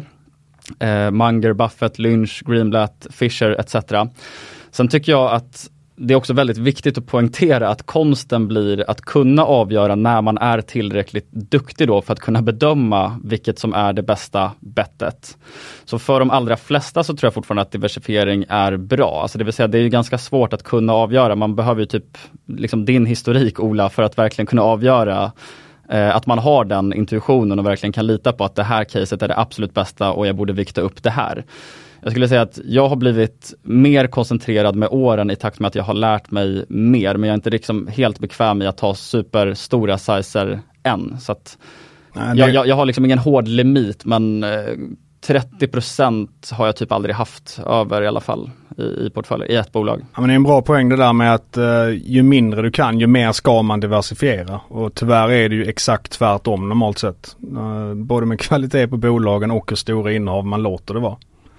Det, det jobbiga är, om jag ska ta min historik, är att jag inte har blivit bättre på att veta på förhand vilket av årets bolag som blir det bästa. Det är intressant. Det, det, lyckas jag bara med när jag backtradar och det får man ju inte på riktigt. Eh, nej, jag, jag, om jag går tillbaks, jag har gjort det några gånger, gått tillbaks och kollat vid årets slut. Hade jag vid årets början kunnat gissa att Aligo hade gått bäst? Nej. Kanske också för att ett år är lite för kort Jo, eh, precis. För att avgöra det, det kan det vara, men samtidigt på mycket mer än ett års sikt, är börsen där? Eh, är det så långa case ni håller? Det... Eh, ibland. Jag, jag har ägt aktier i, eh, något bolag har jag ägt i tre år och så vidare, men oftast så är det kanske runt ett år skulle jag säga just nu. Ja, men jag tror min snitt är väl sju månader som sagt ungefär. Ja, jag, jag tror det är väldigt svårt. Det går tills det inte går längre. Då får man en smäll. Man kan resa sig från det där, men har du 50-60 procent i en aktie då och som vi brukar vara inne på, ledningen vet inte långt ifrån allt och du kan ju inte veta mer än de som sitter med full information. Eh, jag, jag, tror inte inte att man ska vara så säker på att man kan liksom på något sätt läsa sig till att undvika minor. Den, mm. Eh, mycket skeptisk till det. Om, om, vi tar åt andra hållet, eh, hur många bolag tycker ni är för många och har ni några hårda gränser här för liksom hur många ni äger kontra hur, hur få bolag ni äger? 20 har vi satt som en gräns. Där någonstans börjar det bli index av det då jag tror det är väldigt svårt att slå börsen rejält. 40 kvalitetsbolag, ja, men kanske slå börsen med några procentenheter. Men om du ska eh, upp på 30-40 procents årsavkastning tror jag inte du kan ha mycket mer än 20 bolag. Väldigt svårt mm. att se det. Någonstans blir det ju liksom index av det. Jag tror det blir svårt med 20 över tid också. Ja, kanske. Vi, att... Det är ju senaste tiden vi har hamnat där uppe för att vi är inte heller vana vid lågkonjunktur eller den här inbromsningen i ekonomin. Nej, sen eller eller vi... nollränta. Liksom. Sen är vi i ett skede då bolaget har vuxit ganska mycket och eh, vi har mer kapital. Vi försöker smyga upp på listorna men vi är liksom inte riktigt där mentalt än vilket gör att vi inte vågar gå in i small cap utan då blir det att dutta lite. Så eh, det är väl också en anledning till att vi har fler bolag än vanligt. Men, men jag, vi, vi har, det var länge sedan vi hade mer än 10 procent i en enskild aktie faktiskt. Ja men det med likviditet det är väl en bra poäng som är rätt svår att förstå innan man väl är där. Och ni har ju mm. en del kapital och då blir det ju svårt att ha för mycket i enskilda innehav, så är det verkligen. Jag vill också lyfta en grej kopplat till eh, diversifiering och koncentration. Det är också hur mycket tid du kan lägga. För, mm. för ni är ju tre pers då som driver det här investmentbolaget ihop och gör det på heltid, eller hur? Alltså tillsammans mm. med, med podden. Eh, yep. Till exempel för min egen del då, alltså jag jag har ju ett heltidsjobb eh, på, på quarter och så får jag liksom syssla med investeringarna på kvällar och helger. Så att i, i termer av tid vi lägger ner så lägger ni nog ganska mycket mer tid på det här också, ja. vilket gör att ni kan analysera fler bolag. Ja.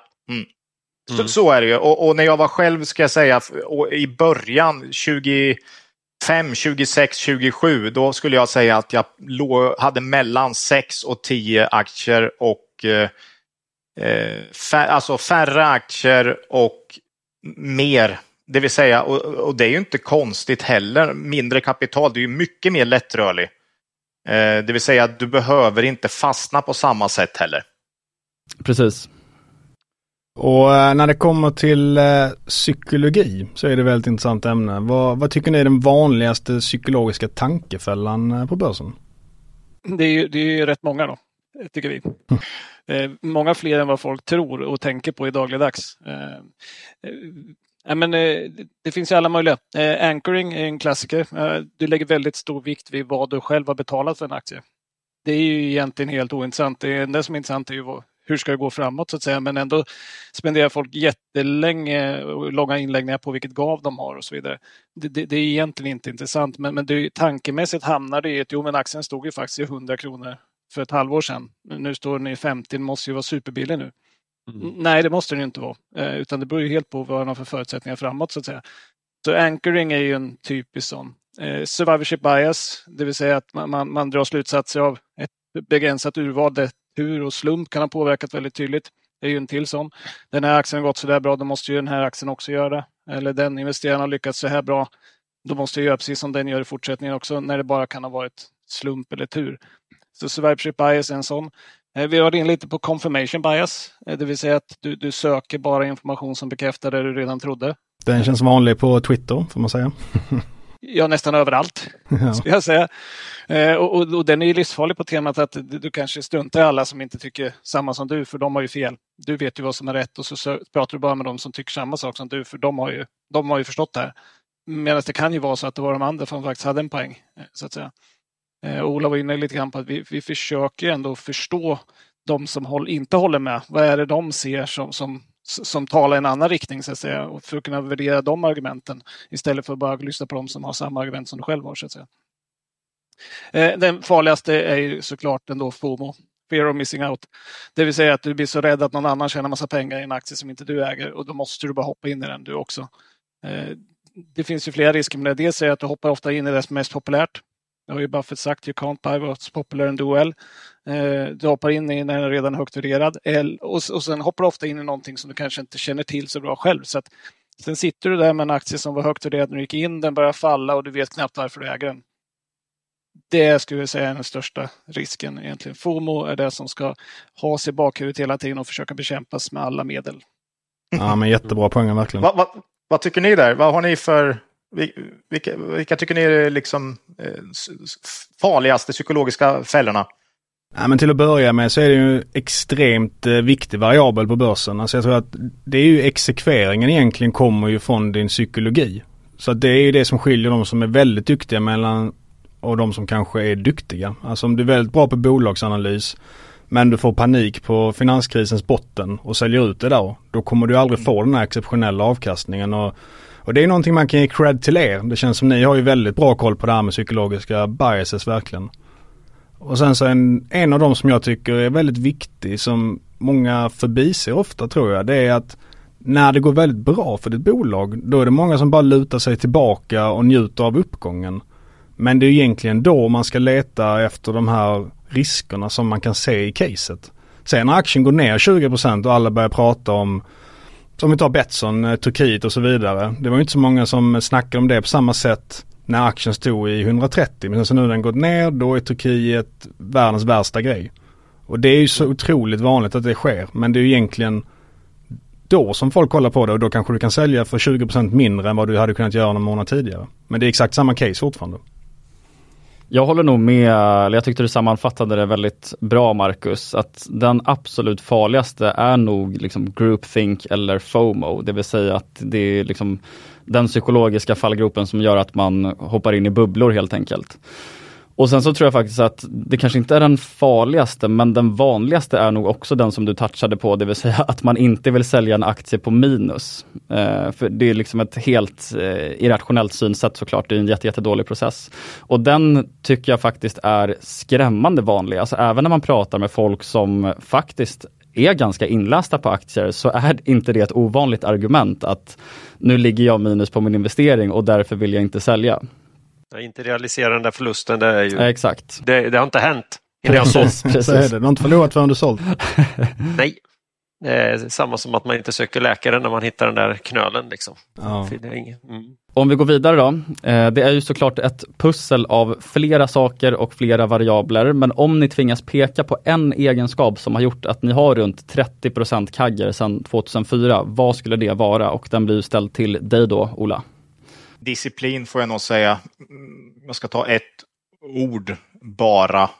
Det är ingen eh, fantastisk uträkningssnurra vi har eller något annat hemligt recept. Eh, det är inte det folk vill höra tyvärr. De vill gärna höra att det finns en enkel lösning. Tyvärr finns det inte det. Det är disciplin och att aldrig tumma på den.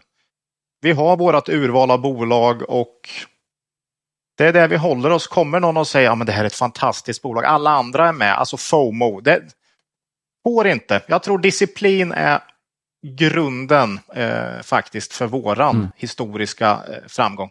Mm. Och sen vet vi ju inte om vi kan hålla det här i takt med att vi blir större naturligtvis. En fördel har ju varit att man börjar med inte allt för mycket pengar ju. Så det hoppas det vi på. Är, det ska ju, man ska tappa avkastning med tid såklart. Eh, men det är ju vad det. En intressant fråga kopplat till avkastning som jag kom på nu, det är ju också hur jämn den har varit över tid. Var det så att den var bättre initialt och har blivit lite sämre senaste åren? Det har den faktiskt inte, utan vi har nog... Jag kollade det för, ja, jag vet inte, något halvår sedan, men jag tror faktiskt att det är ganska, oavsett femårsperiod så är det ungefär samma faktiskt bara ett enda förlustår på dem sedan 2004. Ja, det är med. Vi har ju väl, det är ju 2008 såklart när börsen var ner 50 procent eller något. Va? Då, då var jag minus 15 tror jag. Hur många år? Nej, då gick det inte eh, helt enkelt. Men annars plus varje år så att det är ju med relativt lite risk får man ändå säga. Då. Och hur många år har ni slått index av de 20 åren?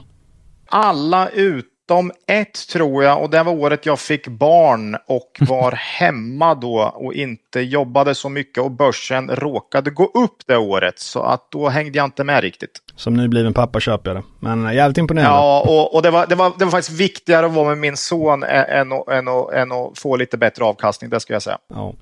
Och ni är väldigt eh, liksom insnöade och säkra på hur strukturen ser ut idag? Alltså hur, hur länge har den här struktur, strukturen sett ut som den gör? För jag tänker du har haft bra avkastning sedan 2004 men när, jag tänker att det, det, var inte från start som du var så här säker på att det var så här du skulle investera, eller ni rättare Nej, sagt.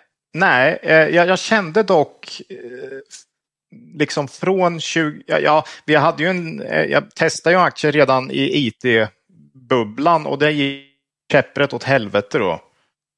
Så, så att eh, det var ju ett, ny, en, ett, ett nytag helt enkelt 2004 eh, och då hade jag ju ändå läst en del litteratur, Buffett och sådär så att, och, och Peter Lynch och då hade jag väl något fått en känsla av att amen, det är så här man ska göra. Så jag hade ju ändå en väldigt stark övertygelse redan initialt att det här var ett bra sätt. Sen är det klart att efter ett år så har du ju ingenting att utvärdera ditt... Det är ju liksom ett år. Det är eh, jättesvårt att veta din avkastning efter ett år såklart. Så att, men med tiden, det kanske är någon gång 2015 man börjar bli riktigt trygg i det här. 2008 kommer jag ihåg, det var ju liksom, då hade man bara hållit på i fyra år med den här strategin och börsen föll 50 procent. Det är jäkligt lätt att bli fundera på om det här är något man ska hålla på med då. Liksom. Hade det hänt i, alltså, senare kriser har inte varit alls lika jobbigt för mig. Men som sagt, det tar ett tag innan man vet att den bär. Men jag hade från början en filosofi som jag kände, jag trodde extremt mycket på den i alla fall. I och med att några av de mest framgångsrika i världen har gjort den så borde det finnas någonting som ligger bakom det där då. Och äh, har ni några beslut de senaste fem åren som ni känner att fan, där, där gjorde vi fel när vi kollar i backspegeln? Liksom ångra processen för det ni gjorde? Det är klart att det blir massa fel hela tiden, men är det någon, någon gång ni kände att processen var fel, där ni gjorde något misstag? Nu ska man ju säga att vi alltid är disciplinerade, men det har faktiskt hänt att vi har gått ifrån vår modell något enstaka fall och det har inte slutat bra skulle jag säga. Så de, de investeringarna är ju såklart eh, sånt man ångrar. Process, det är ju ofta vad vi hamnar i, likviditet, när vi tycker mycket ser dyrt ut. Eh, då finns den här farliga eh, värdefällrisken då skulle jag säga som vi ibland hamnar i när man ligger med 40% likviditet. Alla kvalitetsbolag värderas till P20-25. Vad ska vi äga? Och sen börjar man kolla ner på listorna, bolag med lite, men vad fanken, det här är väl inte så dåligt? Och då, då finns det en stor risk att man tummar på det här och säger, ja men eh, Lammhults, de har ändå en vettig historik, liksom, eller NGS. Och det är ju riktigt billigt. Det, det, det, är lätt att hamna där faktiskt när man har mycket likviditet för att börsen ofta, ofta kommer det när börsen generellt är ganska högt värderad. Då.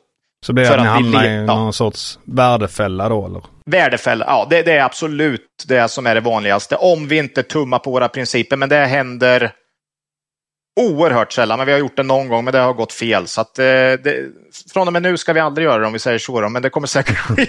vi, vi, lurar oss, vi lurar oss själva också att det finns likviditet i de där aktierna. Eftersom det är ja. lite håsigt då så kanske ja. det handlas en hel del mm. i en aktie där vi, om vi bara tänkte efter, inser att den dagen vi vill lämna den här aktien för att det inte riktigt går som vi hoppas, då kommer den vara stendöd. Och mycket riktigt, den dagen när det hände, då var aktien stendöd. stendöd. Mm. Och då, då gapar den ner. Och då får man ta det. Så, och då är det skönt att man har diversifierat som vi pratade om innan. Men värdefällor, det, det, det är lite skönt för att om det är något vi det, det, är by far det vi förlorar pengar på mm. oftast. Vi behöver inte förlora pengar, det kan vara så att den har gått upp mycket och sen går den ner på slutet för att något händer. Men det är ofta där det inte blir som vi hade hoppats. Det är värdefällorna så att säga. Eh, det är de vi behöver se upp med i våran typ av investeringsfilosofi. Men det är inte alltid så lätt. Backtrading är betydligt lättare faktiskt. Mm. Ni då? Eh, nyckeltal. Vad är det ni? Vi är ju P-podden. Vad, vad, vad, vilken podd är ni? Ja men vi är väl EV-EBIT-podden men mm. det har fan blivit lite svårare på sistone faktiskt. Det känns som jag sitter och pratar justeringar i fem minuter för varje bolag jag tar upp. Aj, aj, aj, aj. Men det är ju lite det här med att nu när räntan gått upp, att då ta ebit, eh, det blir lite konstigt. Av någon anledning så EV-EBT, som är kanske en bättre modell, den, den är inte alls populär så den vågar man inte riktigt prata för de är rädda att folk inte fattar vad man pratar om riktigt. Så att eh, PE är ju en bra modell, det är ju liksom det enklaste kanske, men jag vill ju alltid kunna justera för liksom en stor nettokassa. Jag gillar ju bolag som har det.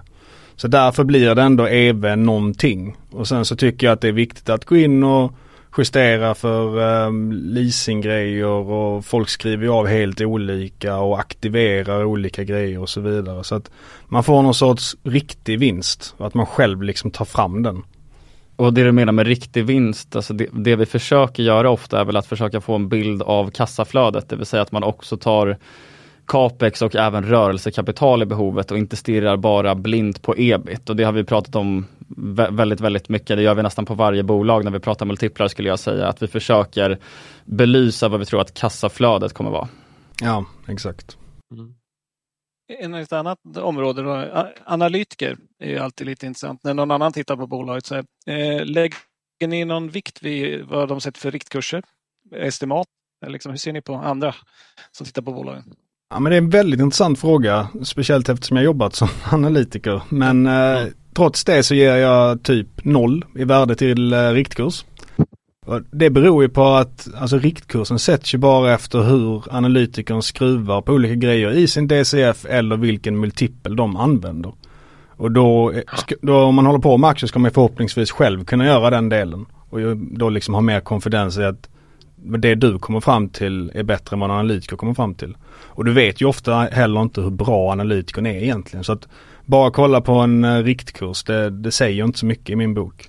Sen tycker jag man kan tillägga att det är ganska dålig risk-reward för en analytiker att stå ut för mycket med sin riktkurs på både upp och nedsidan. Så att incitamentet för analytiker är ju ofta faktiskt att ligga ganska nära den kursen som, som vi har helt enkelt på marknaden. Eh, så jag, jag, är med Magnus där, jag lägger ingen vikt vid det. Sen så vid några enstaka tillfällen så kan jag tycka att det är värdefullt. Jag tycker till exempel att Jesper von Kock på Redeye är väldigt duktig och jag har följt hans smarta analyser i typ så här två år tror jag. Och, och, det är mer för att jag litar på Jesper som analytiker och känner till honom väldigt väl då. Men generellt skulle jag säga att jag lägger väldigt lite vikt vid, eh, vid riktkurser. Och på det temat och så här Excel och att bryta ner saker till sista decimalen, det tror jag också generellt är ganska farligt om man tar det i investerarperspektivet. För det, det tror jag bidrar med väldigt mycket falsk trygghet och att man kanske på ett irrationellt sätt då ställer sig på den här riktkursen. Och att på så sätt så glöms många kvalitativa saker bort. Alltså jag, jag är väldigt inne på det spåret som eh, både Graham och Buffett har, har, sagt väldigt många gånger, det vill säga att en riktkurs bör ju vara typ ett intervall. Alltså du kan inte veta att bolaget ska vara värt exakt det här, men du kanske borde ha ett hum om att bolagsvärdet är ungefär det här. Så det, det är lite min approach till det. Och sen eh, när det kommer till estimat så tycker jag det kan vara intressant att kolla på nästa kvartal framförallt. Eh, liksom lite vad förväntningarna är och så vidare. Men när det kommer till många småbolag, speciellt de under förändring, alltså det är ju rena gissningar ofta vad vinsten är om tre år. Och det vet ju analytikerna själva också. Så jag tror att många tror att analytikerna är ganska säkra på vad vinsten kommer vara om tre år. Men när det kommer till de här små bolagen så är de absolut inte det och jag är inte heller det. Och det är därför jag ofta vill basera mina köp på framförallt vad vinsten är typ ett år ut i tiden. För det kanske man lättare kan eh, prognostisera. Och en sista viktig del där det är också att det är ganska bra när det är mycket säljrekommendationer i min bok på ett bolag som man själv tycker ser väldigt bra ut. Och det är ju för att då kommer ju de kunna ändra till köp och därmed driva liksom kursen uppåt förmodligen. För då kommer de ändra åsikt och då kommer förhoppningsvis andra ändra åsikt också. Så det här som vissa tänker att åh vi vill köpa det här bolaget för 18 av 18 har köp. Då är det ju jättehöga förväntningar i det bolaget automatiskt. Och det är inte jättebra läge förmodligen att köpa då. Jag tycker också man kan prata lite om liksom, affären bakom sell-side research. Att det finns ju inget skin in the game oftast bakom en analys som görs och en riktkurs som görs. Utan det är ingen analytiker på firman då som ofta äger det här, firman som producerar det här kanske inte äger själva eller oftast äger de inte själva. Utan det görs ju som en marknadsföringsåtgärd för ett bolag som vill ha eh, exposure till investerare egentligen. Och då tycker jag också man bara av att veta om att det är så liksom, affären ser ut så får man ju liksom lite mer skepticism till riktkurser tror jag. En ja. sund skepsis brukar vi säga att man ja. ska Agree. Ja, men det känns ja, som... Och, och, skönt där, eh, din second level där på att det ska vara många, många sälj. Jag är ofta irriterad på, jag ska sluta vara det. Tack, tack för den. Nu ska jag bli av med den biasen. Mm. ja, det låter bra det. Uh, det känns som att jag kan sitta och prata här uh, ett dygn ungefär. Men uh, en sista mm. fråga innan vi går in på era case. Uh, om ni vill säga en aktieklyscha som ni tycker är sann och det får inte vara värderingar spelar roll. Du, nu, nu, tog vi med oss mer än en faktiskt. Men, men, så ja, men ta, ta så många ni vill. Nej, men den första är den här Sell in May and Go Away. Don't come back until St. Ledgers Day. Eh, den är jättebra, Sell in May, för den har ju visat sig funka hur bra som helst. Men det är lite för tidigt att komma tillbaka till St. Ledgers för det är mitten av september där då. Eh, så, vi, så vitt vi förstår det. Det borde vara Halloween istället då. Men, men, det är ganska sjukt att det säsongsmönstret finns på börsen fortfarande. Det borde ha försvunnit för länge sedan, men det har funkat i väldigt många år och det är väldigt sannolikt att det liksom funkar framåt. Och aktier med en vintersport. Vi har varit inne på det lite grann i podden. Det har att göra med att man blickar framåt till nästa år och alla är optimister och efter halva året så börjar det gå upp för alla att oj, det blir inte så bra som vi trodde. Och så får man skruva ner prognoserna och då går det dåligt och sen kan man börja kolla nästa år igen och så kommer utdelningarna och sen är de borta och så vidare. Ja, lite så, så det finns lite orsaker bakom, men det är ganska konstigt att den funkar så pass bra som den trots allt gör. Ja, jag har nästan varit läskigt hur bra det har funkat. Och liksom så, om man lägger upp en kurva på det normalt sett går ett år, man har, det är nästan följt liksom månad för månad på den. Mm. Eh, om jag får ta en här då. Den försöker vi lansera och folk tycker det är en klyscha. Det är viktigt att du gör din egen analys. Det är det många som har sagt för oss. Eh, vi försöker hamra in det hela tiden. Eh, och, och det finns många bra anledningar till det. Men, men annars just det här att eh, conviction ska helst komma från att du själv analyserat bolaget och inte från att du ser att andra verkar gilla eller ogilla bolaget. Så därför är det så himla viktigt. Och sen om man inte gjort sin egen analys, det är omöjligt att veta när man ska köpa och sälja en aktie. Exakt. Framförallt är... sälja. Det är en jättebra poäng för du ser om du då försöker rygga någon, vilket man inte ska göra. Det är jättesvårt att se i realtid vad de gör. Det går ju inte. Mm. Nej. Så att det är en bra sen- poäng där. Och sen, sen är det ju det här klassiska, skriv inte av den som sitter bredvid dig på matteprovet för du vet ju inte om den personen har skrivit rätt. Du måste bilda den, du måste faktiskt göra jobbet. Det, det, är ingen, det, det är inte så enkelt så att man bara kan glida med här i livet. Man, man måste faktiskt jobba lite för, för sina pengar.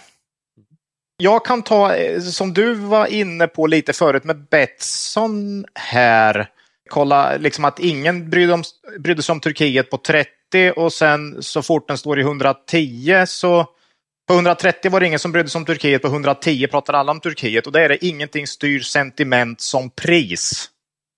Det är ju som att i vissa tider när aktien har rusat 50 till 100, alltså säg 50 procent, det spelar ingen roll vilken aktie det är, då är allt perfekt. Det finns inga fel överhuvudtaget.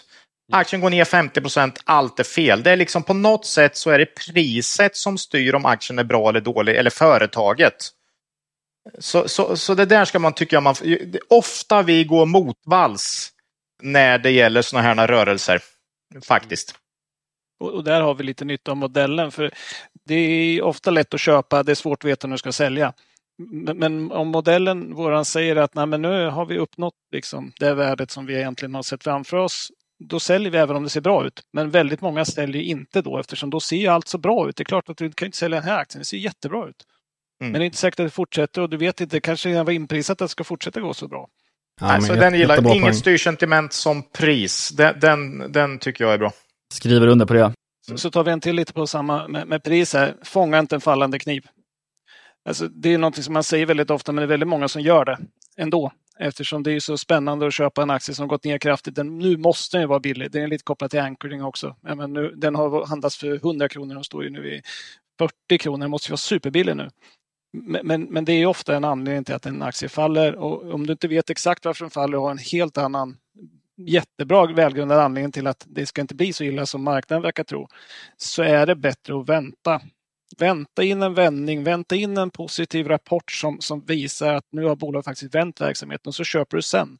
Det kan ha gått upp 15 procent från botten men det är mycket bättre att köpa aktien då än att försöka fånga den i den kraftiga nedgången. För det kan alltid bli mycket värre. Och där känns det ju nästan som att ju vassare kniven är, ju fler är det som vill fånga den. Typ SAS och liknande. Alltså ju sämre det är och ju mer det faller, ju fler är det som går in. Tyvärr. 100 procent så. Och Det här visar ju att marknaden är ju inte rationell egentligen. Nej, och, och en kniv, jag tycker en, eh, 30 procent ner, det är ingen kniv. En, en kniv är 50 ner ungefär. Där någonstans börjar det bli en kniv och, och då är det ofta någonting som inte, eh, ofta har det ju kommit information också, som, men, har det inte gjort det så är det nästan alltid någonting som är på gång. Eh, och har det kommit information, ja då kanske det är så att du köper någonting som är på väg att bli något sämre. Eh, liksom. eh, så, att, så att den är faktiskt... Man ska inte... Det här med att inget styr sentiment som pris och att vi försöker gå motvalls. De här är ganska närbesläktade men vi tycker det är en fundamental skillnad mellan de här två faktiskt. Och, och sen är det lite skillnad på varför faller det också. Faller det för att det är ett börsras, hela börsen går ner, sentimentet på hela börsen som helhet är väldigt negativt. Ja, men det är en annan skillnad i att, att köpa lite billigare och köpa mer en aktie som, man, som det inte har hänt något fundamentalt i. Men att försöka fånga en aktie som har, har gått bra och det har börjat gått mycket sämre, till exempel Hexatronic. Att försöka fånga den kniven är- är väldigt, väldigt svårt. Ja men suveräna poänger. Det var, var det era klyschor eller? Jag tänker Ola, har, Ola får ta den sista här. Han, han har ju våran viktigaste. Ja, men det är väl nog eh, en av de eh, som vi försöker jobba med mest och den har ju faktiskt eh, att göra med mycket av det vi pratade om innan här. Be greedy when others are fearful och be fearful when others are greedy. Eh, det handlar om att tänka själv. Det är betydligt lättare att sälja när alla andra är jätteoptimistiska och positiva till framtiden och det är ofta mycket bättre att köpa när marknaden i stort är extremt rädd.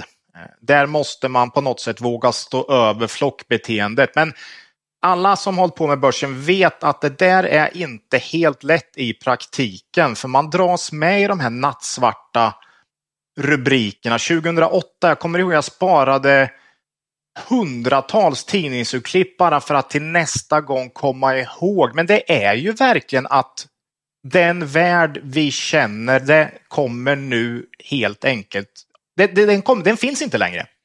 Det, det, är den typen av rubriker, jag sparar flera eh, tidningsrubriker från Dagens Industri, Svenskan, där på något sätt att vi får ställa in oss på ett nytt sätt att leva. Det var liksom på något sätt, det finns inget, det, det, nu är det slut.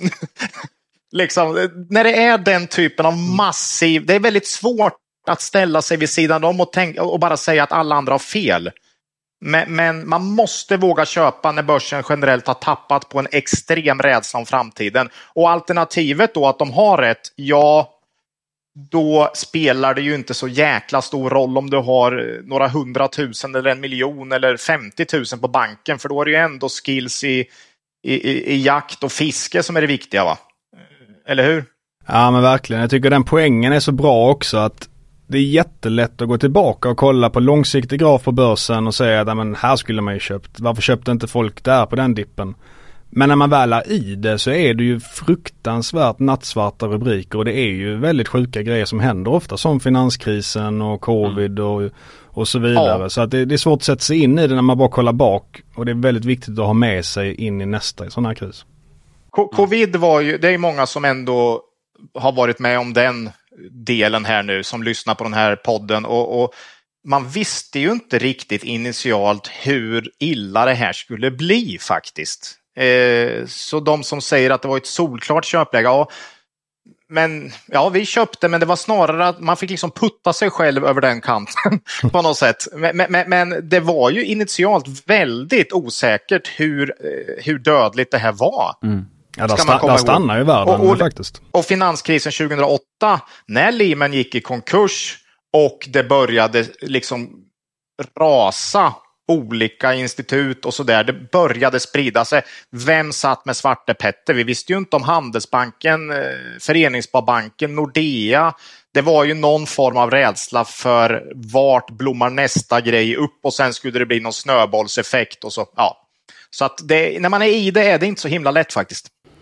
Men om vi går över till två case som ni har plockat med er så får ni gärna börja pitcha dem nu och då vill jag också tillägga att vi spelar in det här den 18 december och vi kommer publicera det här i mitten av januari vilket innebär att kurserna kanske inte är exakt de samma. Så det här är lite... Eller de kurserna vi, vi kör när vi utvärderar det här om ett år sedan va? Ja, ja kurserna från här 18, 18 december. Så att uh, det blir korrekt. Och sen så kommer vi ha lite små tävling då under ett år. Era två case mot uh, våra två case som kommer sen. Japp. Så det är bara att skjuta. Vi tog med två case. Eh, det är inte något som är okänt ska jag säga och ett av bolagen har faktiskt berört flera gånger redan idag. Eh, och det är Betsson då. Eh, kurs 113 när vi, när vi spelar in det här.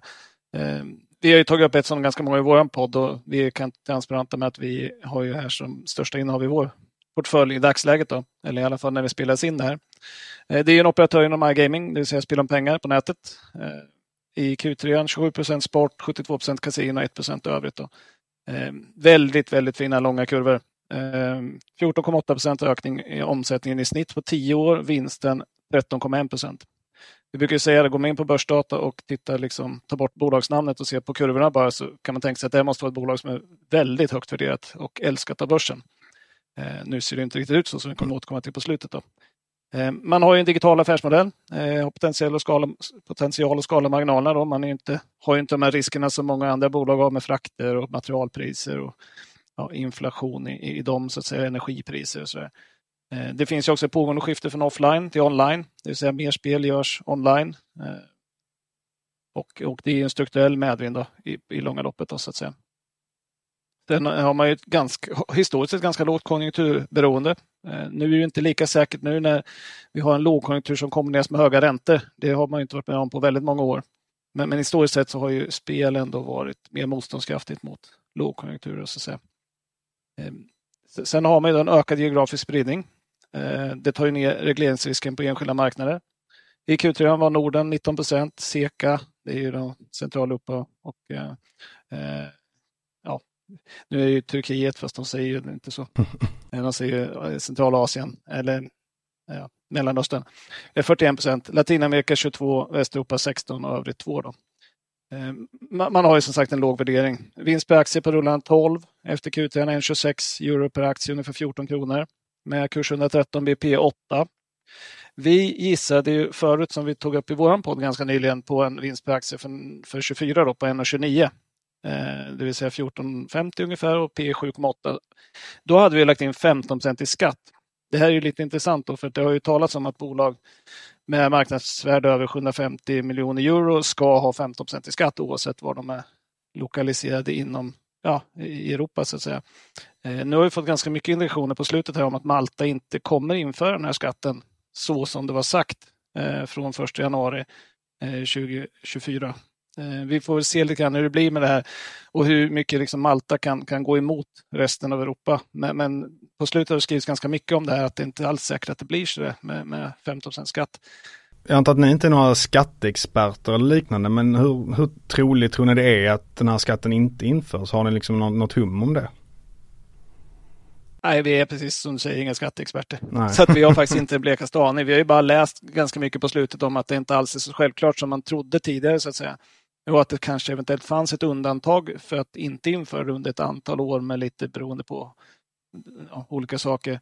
Vi vet helt enkelt inte. Sen är inte det avgörande för caset, ska vi säga, eh, vad det blir för skatt. Men om man skulle ha gamla skatten, då har vi 1,43 istället och eh, 16 kronor per aktie P 7 då. Så det är lågt värderat i vilket fall som helst. Då, så att säga. Eh, väldigt stark finansiell ställning, nettokassa 750 miljoner, ger upp, upp, uppköpsmöjligheter. Man har ju köpt en, förvärvat en hel del bolag, senast i Belgien. Eh, och innan så gjorde man det för Inkabet i Latinamerika som var väldigt lyckosamt.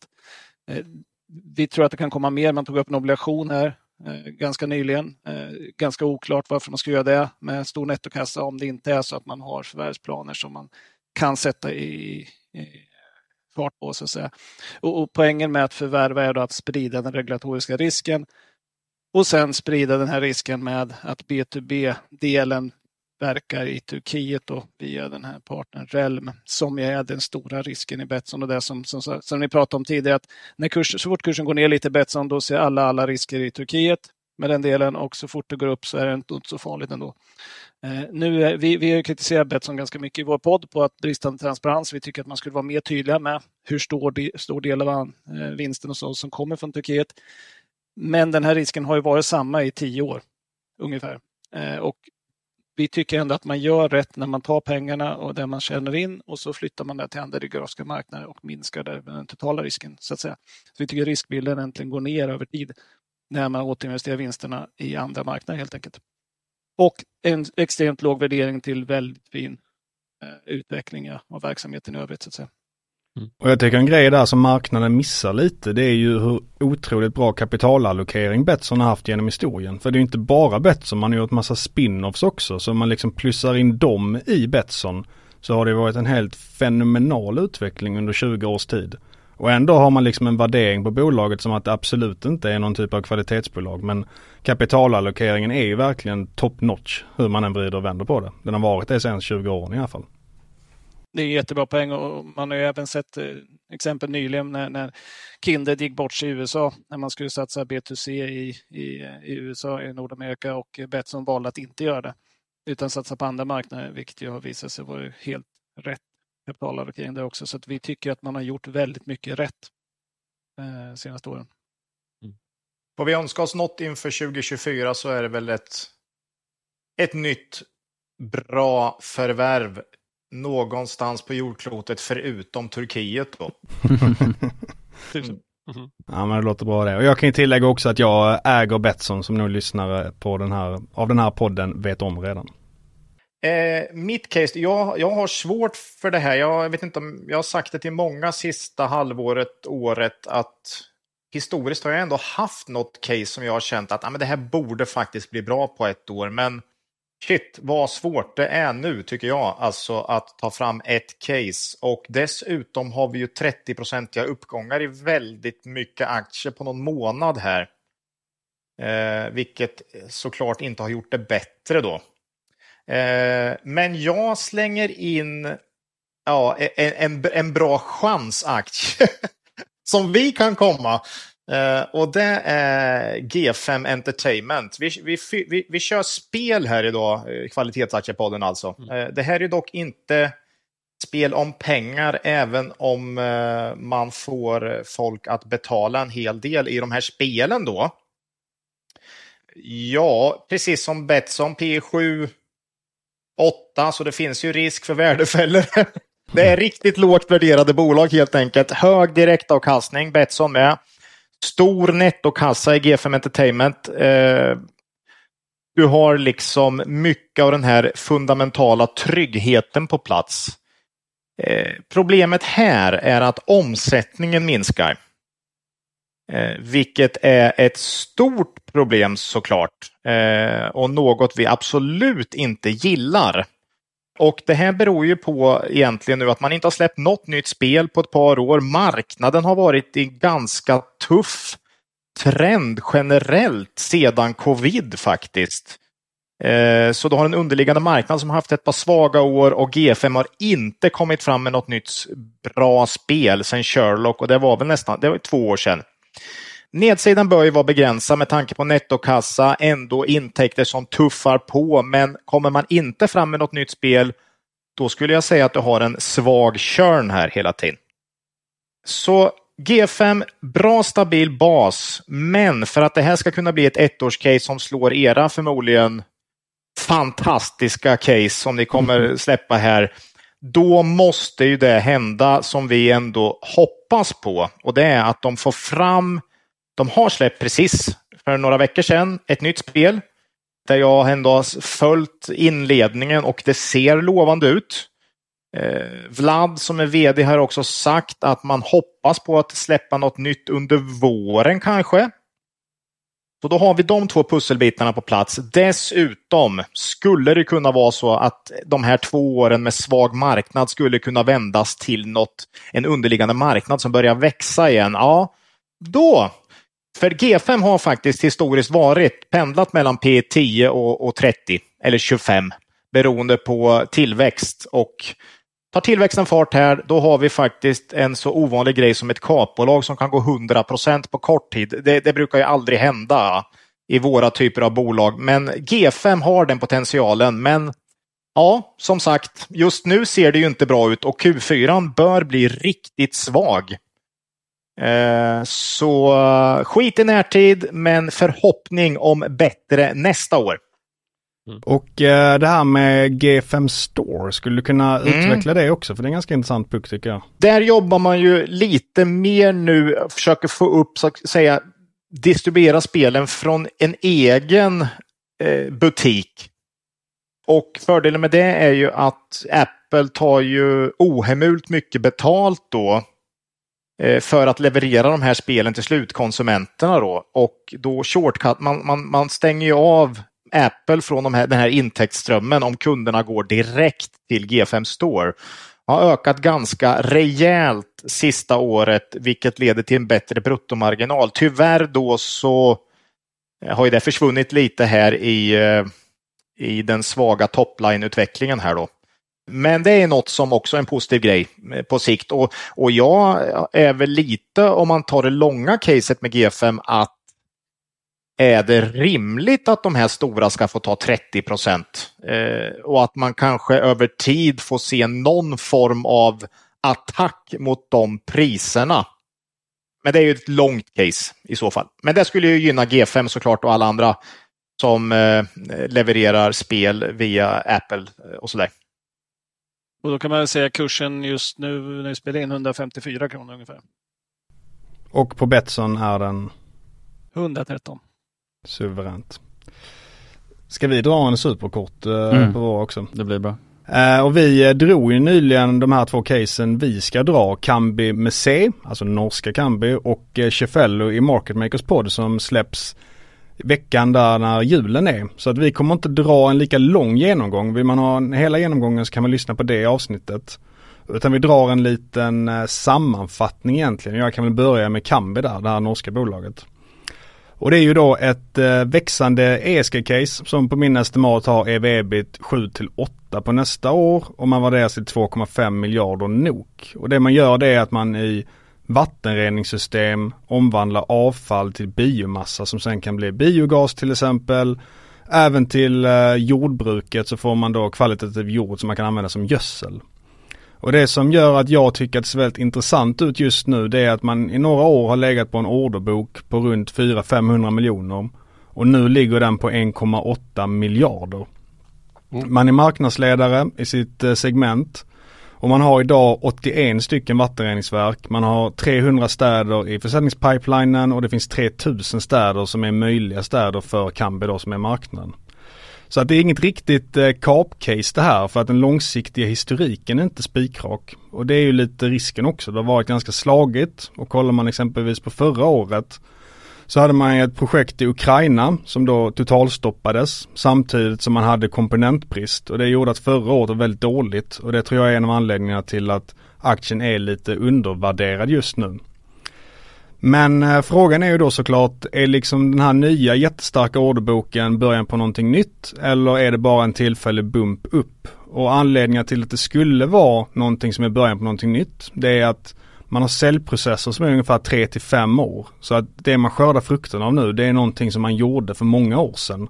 Och bland annat så slöt man ett avtal med Washington för deras vattenreningsverk för många år sedan och det har blivit en jättebra referenskund som man sedan har kunnat utnyttja i resten av USA. Och det är lite så man har jobbat på de olika kontinenterna. Så att idag är man på sex kontinenter i 27 länder och i takt då med att man får fler referenskunder så kan man växa sig starkare och större. Sen ska man ha med sig som risker då att eh, bruttomarginalen kommer gå ner lite framgent. Det är någonting jag räknar med dock. Det är ju stora projekt det här så att skulle några projekt liksom inte bli av eller liknande så kommer det kunna slå ganska hårt mot verksamheten.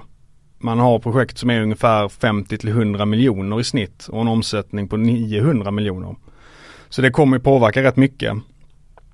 Historiskt så kan jag hitta att ett av 86 projekt som man har levererat har ställts in. Men eh, som vi alla vet så är det väldigt höga skulder runt om i världen just nu. Framförallt vissa kommuner har det svårt så att man vet ju inte om alla de här projekten i orderboken faktiskt kommer att eh, fullföljas.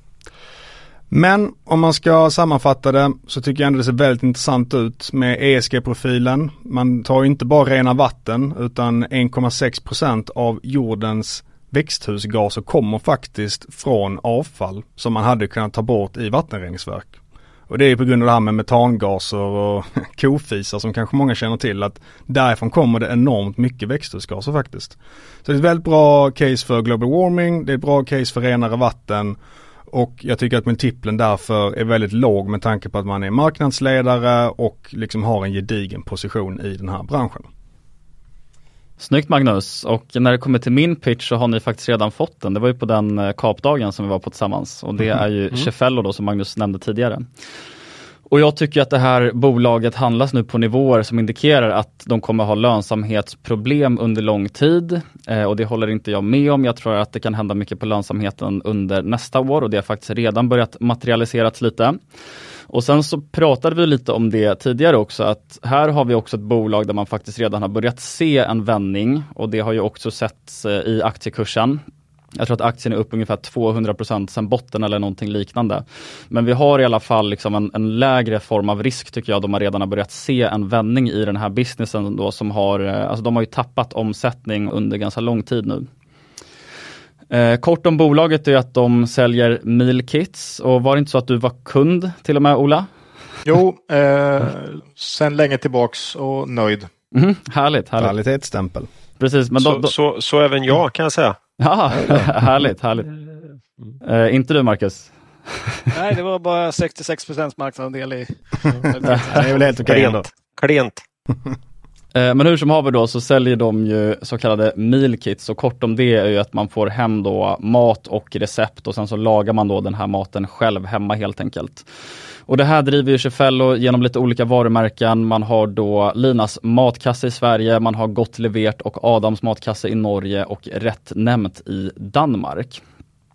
Och jag tror att det här bolaget handlas till ungefär EV på free cashflow på 5 på nästa år och sen så tycker jag även att det finns mycket så här kortsiktiga saker som är väldigt intressant, det vill säga att det har börjat hända en förändring operationellt.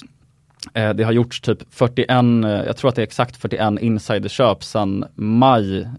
Och sen så tidigare har ju också den här Alltså det har legat som en våt filt över aktien att det eventuellt kommer gå i konkurs. Alltså vi hade ju ett börsvärde på 65 miljoner som lägst och en omsättning över en miljard och då hade bolaget också en en mindre kassa, omsättningen sjönk ganska kraftigt och det var också kasslönsamhet just då. Men jag tror att den här våta filten kommer försvinna från bolaget och det är också det som redan då gradvis har hänt. Och sen så har vi också att de här tuffa jämförelsekvartalen från Corona också kommer vara historia från och med nu. Eh, så jag, som sagt, jag tycker att det är mycket som har hänt med Cefello som är väldigt intressant och jag tycker helt enkelt att bara att det ser för billigt ut och en längre pitch kan ni som sagt höra i Market Makers. Mm. Snyggt! Intressanta bolag. Jag hann inte komma tillbaka där på Magnus eh, case där, men det där är ju hyperintressant. Jag är ju väl bekant med svensk biogas från mitt tidigare liv och jag brukar säga att det där är det finaste man kan hålla på med. Det där är liksom, ja men det där är ju den lägst hängande miljö och avfallsfrukten vi kan plocka och det har varit så fruktansvärt svårt för någon att kommersialisera det. Så jag hoppas, hoppas, hoppas att det ska lyckas. Ja men bra lynchningar från er till våra case får jag säga. mm. Och det är också en grej man kan lägga till där att eh, det är försvar, förslag i EUs eh, taxonomi nu om att alla vattenreningsverk i EU måste vara klimatneutrala innan 2040. Och då behöver man ju mm. den här typen av lösning eftersom som sagt det släpper ut väldigt mycket metangas och liknande. Så att mm. Man har den grejen i ryggen också.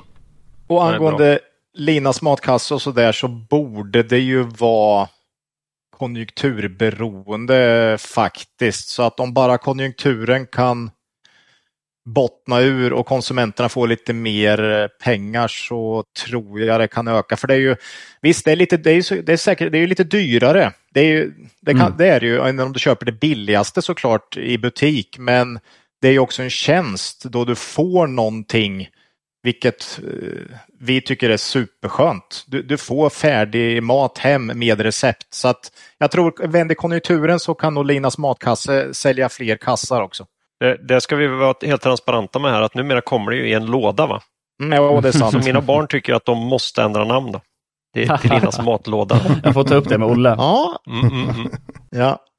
Och vi kan ju lägga till att uh, du äger Cefello och jag äger uh, Kambi. Exakt och kursen på Cefello just nu är 14 SEK. Och uh, på Kambi tror jag den är 14,80 eller liknande om inte jag har helt fel. Yes. 15, mm. Vi äger bets. Ja okej, okay. då lägger vi in det istället. Går, går bra idag. rätt ska vara rätt. Ja. vi äger Betsson och G5 Entertainment. Mm. Mm. Suveränt, men eh, med det får vi nog börja runda av det här mastodontavsnittet som blev det längsta i Aktiesnacks historia. Och eh, om ni märkte att ljudet byttes lite där vid 1.20 så var det för att det var så långt så min mobil, mobil som var uppkopplad till inspelningen dog. så så Nej, blir det när man pratar med, med Karl. så blir det så. ja, det är inte mycket att välja på. Men jag tycker verkligen det var ett superintressant avsnitt. Jag tror att det här kan vara någonting som är värt för lyssnare att lyssna om på till och med. Väldigt mycket synda och bra idéer som vi fick från våra gäster idag. Så ett stort tack för att ni kom hit idag. Tack för, stort tack, tack för att vi fick vara med. Och lycka till framåt. Detsamma. Lycka till och så eh, hörs vi igen om två veckor alla lyssnare. Ha det fint. Tack för att ni har lyssnat. Ciao ciao. Ciao.